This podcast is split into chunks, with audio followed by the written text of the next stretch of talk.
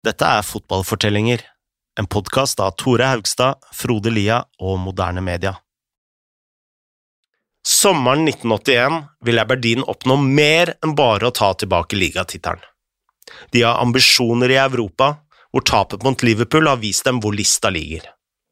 De neste to årene skal Aberdeen ut i to ulike turneringer og skrive et utrolig kapittel i skotsk fotballhistorie.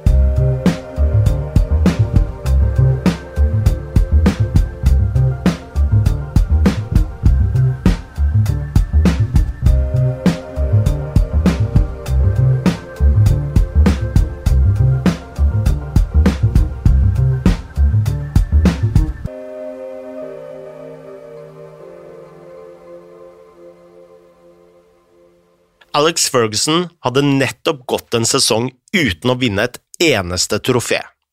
Han hadde ingen planer om å la det skje igjen.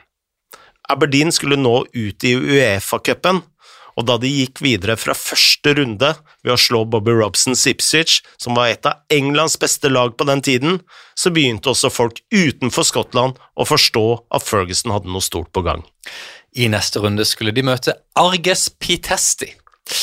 Aberdeen vant 3-0 hjemme, og dette så ut til å gå veldig greit. Men tilbake i Romania så fikk de en katastrofal start på kampen og lå under 2-0 til pause. Ferguson, som endelig nå var i Europa, var i ferd med å se hele eventyret bare bli kasta bort, og i pausen var han spesielt sint på Gordon Strachan, som han mente hadde ignorert sine ordre. Så Ferguson gjorde som Ferguson pleier å gjøre. Han gikk fullstendig løs på Strachan og bare slakta han totalt. Og da gjorde Strachan den ene feilen du aldri skal gjøre som spiller mot Fergie. Han begynte å slenge dritt tilbake.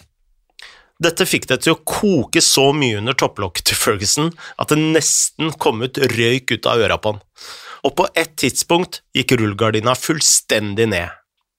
I blindt sinne svingte han armen for å meie til en såkalt T-urne like ved.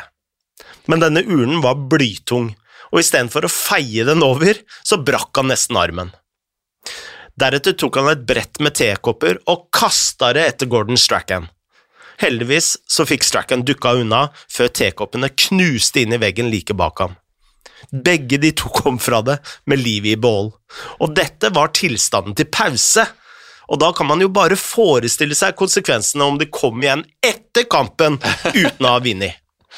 De utligna til 2-2 og vant sammenlagt 5-2. Tilbake i ligaen sleit Aberdeen tungt gjennom vinteren.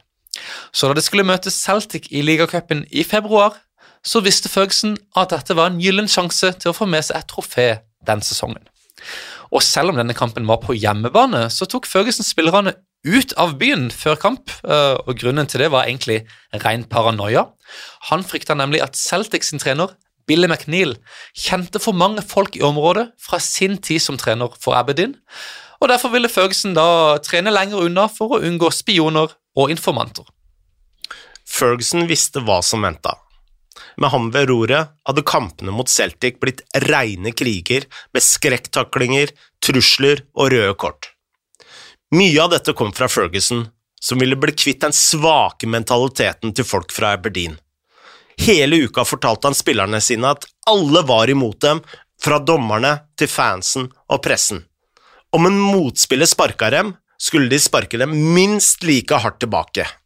For å si det forsiktig, Aberdeen og Celtic var slett ikke venner. I think that just comes when when it's two teams that are the, the two dominant teams of the day. You know, I mean, it was normally it's Rangers and Celtic. Uh, very, very, very rarely is is anything else in Scotland in terms of the two dominant teams going for the the titles and the cups. But in, in that era, Celtic were the stronger of the old firm teams. Aberdeen were the strongest team in the country for for, for three, four, five seasons. Uh, Rangers were weaker until they um, until they changed their regime and, and, and were investing strongly in the second half of the 80s. But yeah, Aberdeen Celtic games. I don't think the players liked each other very much. They're, they're both on record of that. There was mutual respect, but there wasn't much in terms of mutual admiration or or um, affection. The games were physical. There were bookings. There were red cards. There were injuries. Um, it was it, there were battles rather than um, Uh, well, I mean, there was there was skill as well too, obviously, but essentially there were physical battles that had to be won, both at Pittodrie or or Parkhead or Hampden. And uh, yeah, yeah, I mean, I think you know you'll you'll know it from from from United. I mean, it just whatever uh, whatever is the dominant couple of challenging teams. I think there's no lo- no love lost between them, and, and well, they're going for each other, you know. I den ligacupkampen i februar vant Aberdeen 1-0.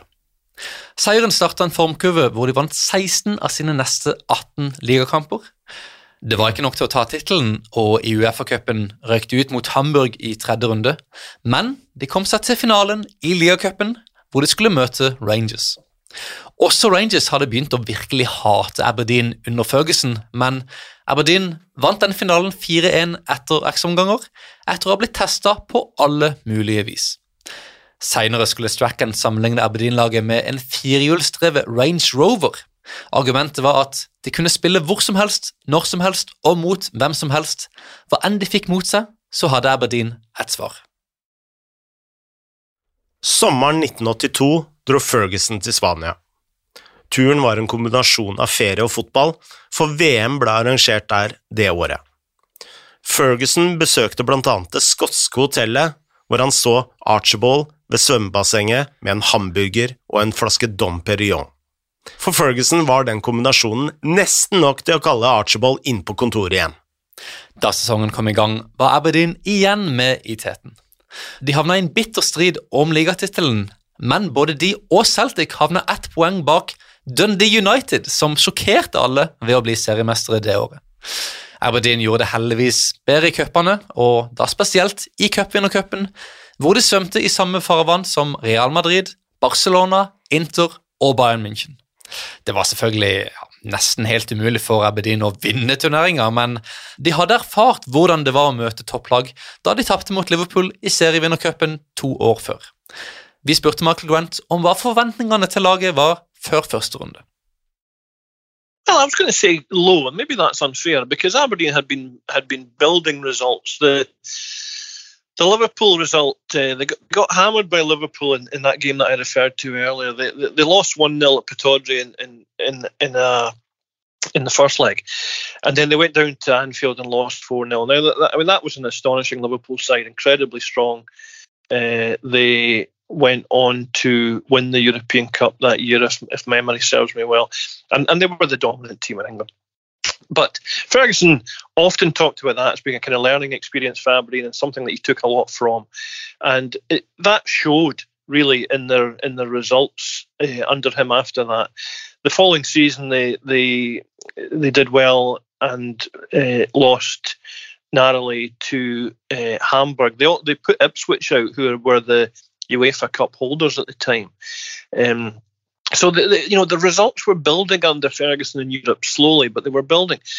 In 82-83, um, I thought uh, they would really probably be aiming to to see how far they could get. You know, maybe maybe the last eight. I mean, the, the, the tournament was smaller then than, it is now, or, or all the European t- uh, tournaments were were smaller then than they are now.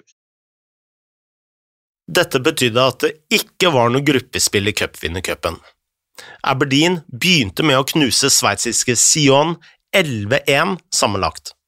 I andre runde møtte de albanske Dinamo Tirana, og det er vel fair å si at Aberdeen ikke hadde full kontroll på deres utenlandske rivaler. So little was known uh, about life in Albania and Dynamo Tirana at that point that in the official match program, uh, the the you know the list of Dynamo Tirana players is completely blank.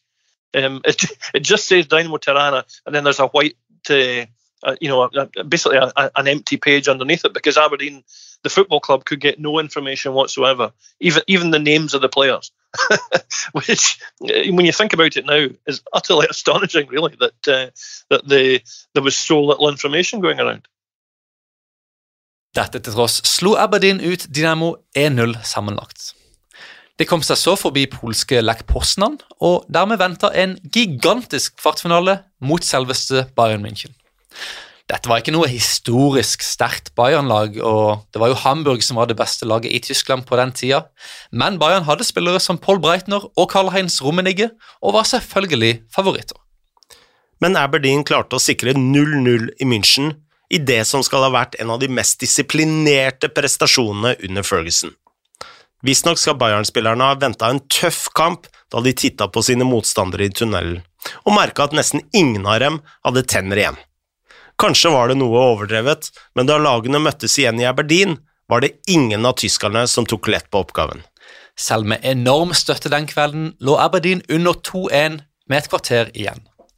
De måtte nå skåre to ganger på 15 minutter, og frustrasjonen så ut til å bre seg i laget da Aberdeen fikk et frispark utenfor boksen.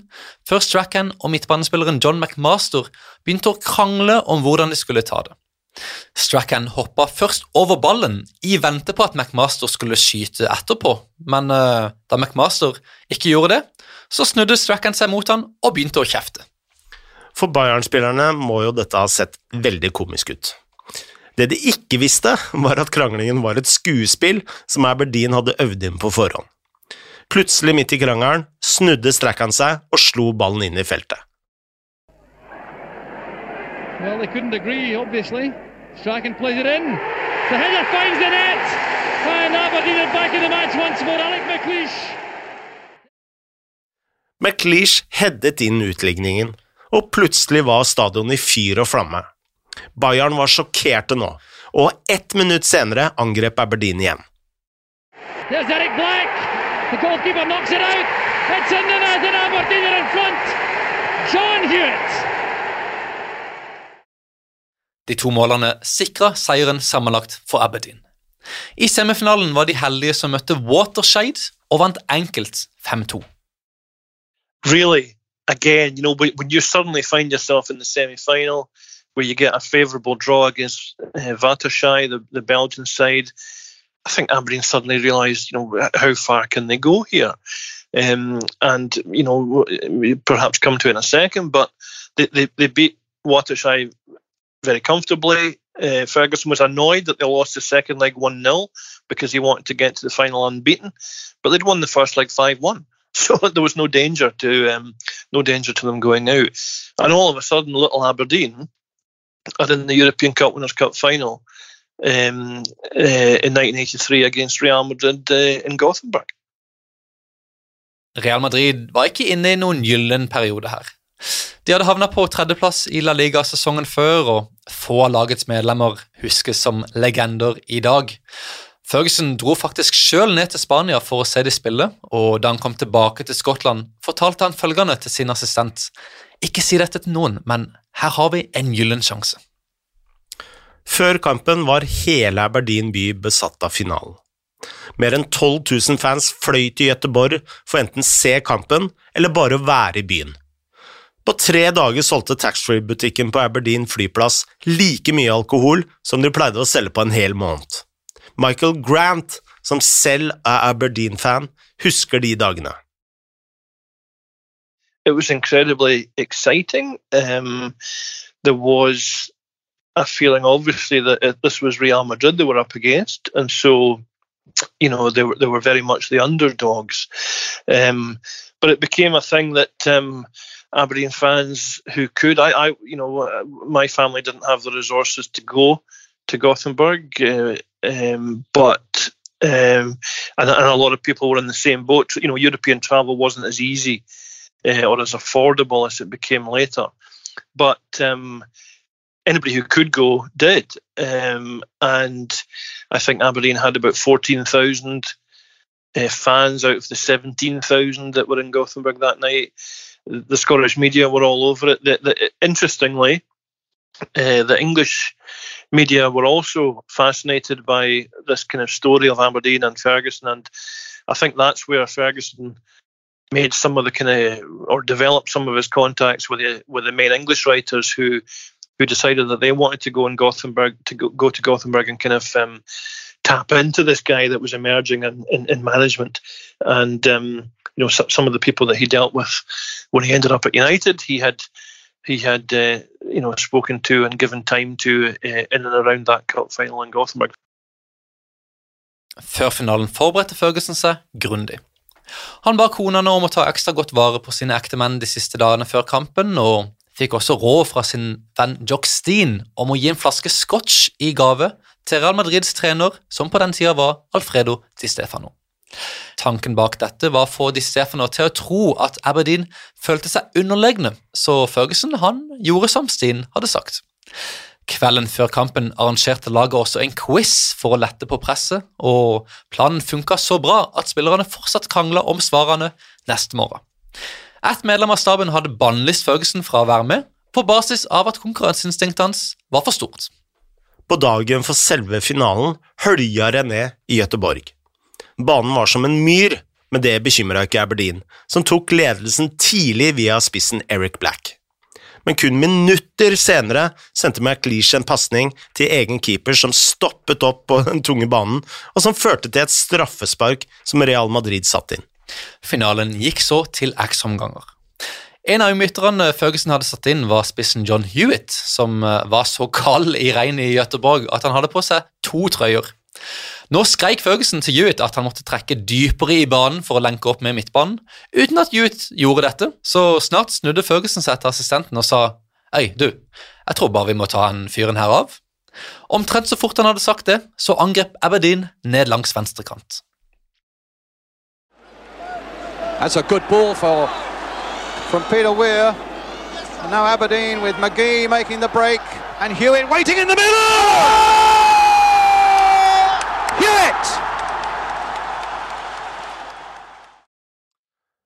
Aberdeen slo Real Madrid 2-1 og løfta pokalen i cupvinnercupen. Idet sluttsignalet gikk, var Ferguson så i ekstase at han sklei og falt i en sølepytt. Festen varte til klokka seks neste morgen, og da spillerne kom tilbake til Aberdeen, gikk de løs på en bussparade gjennom byen. Mange trodde da at toppen var nådd for dette laget, men Ferguson var ikke ferdig.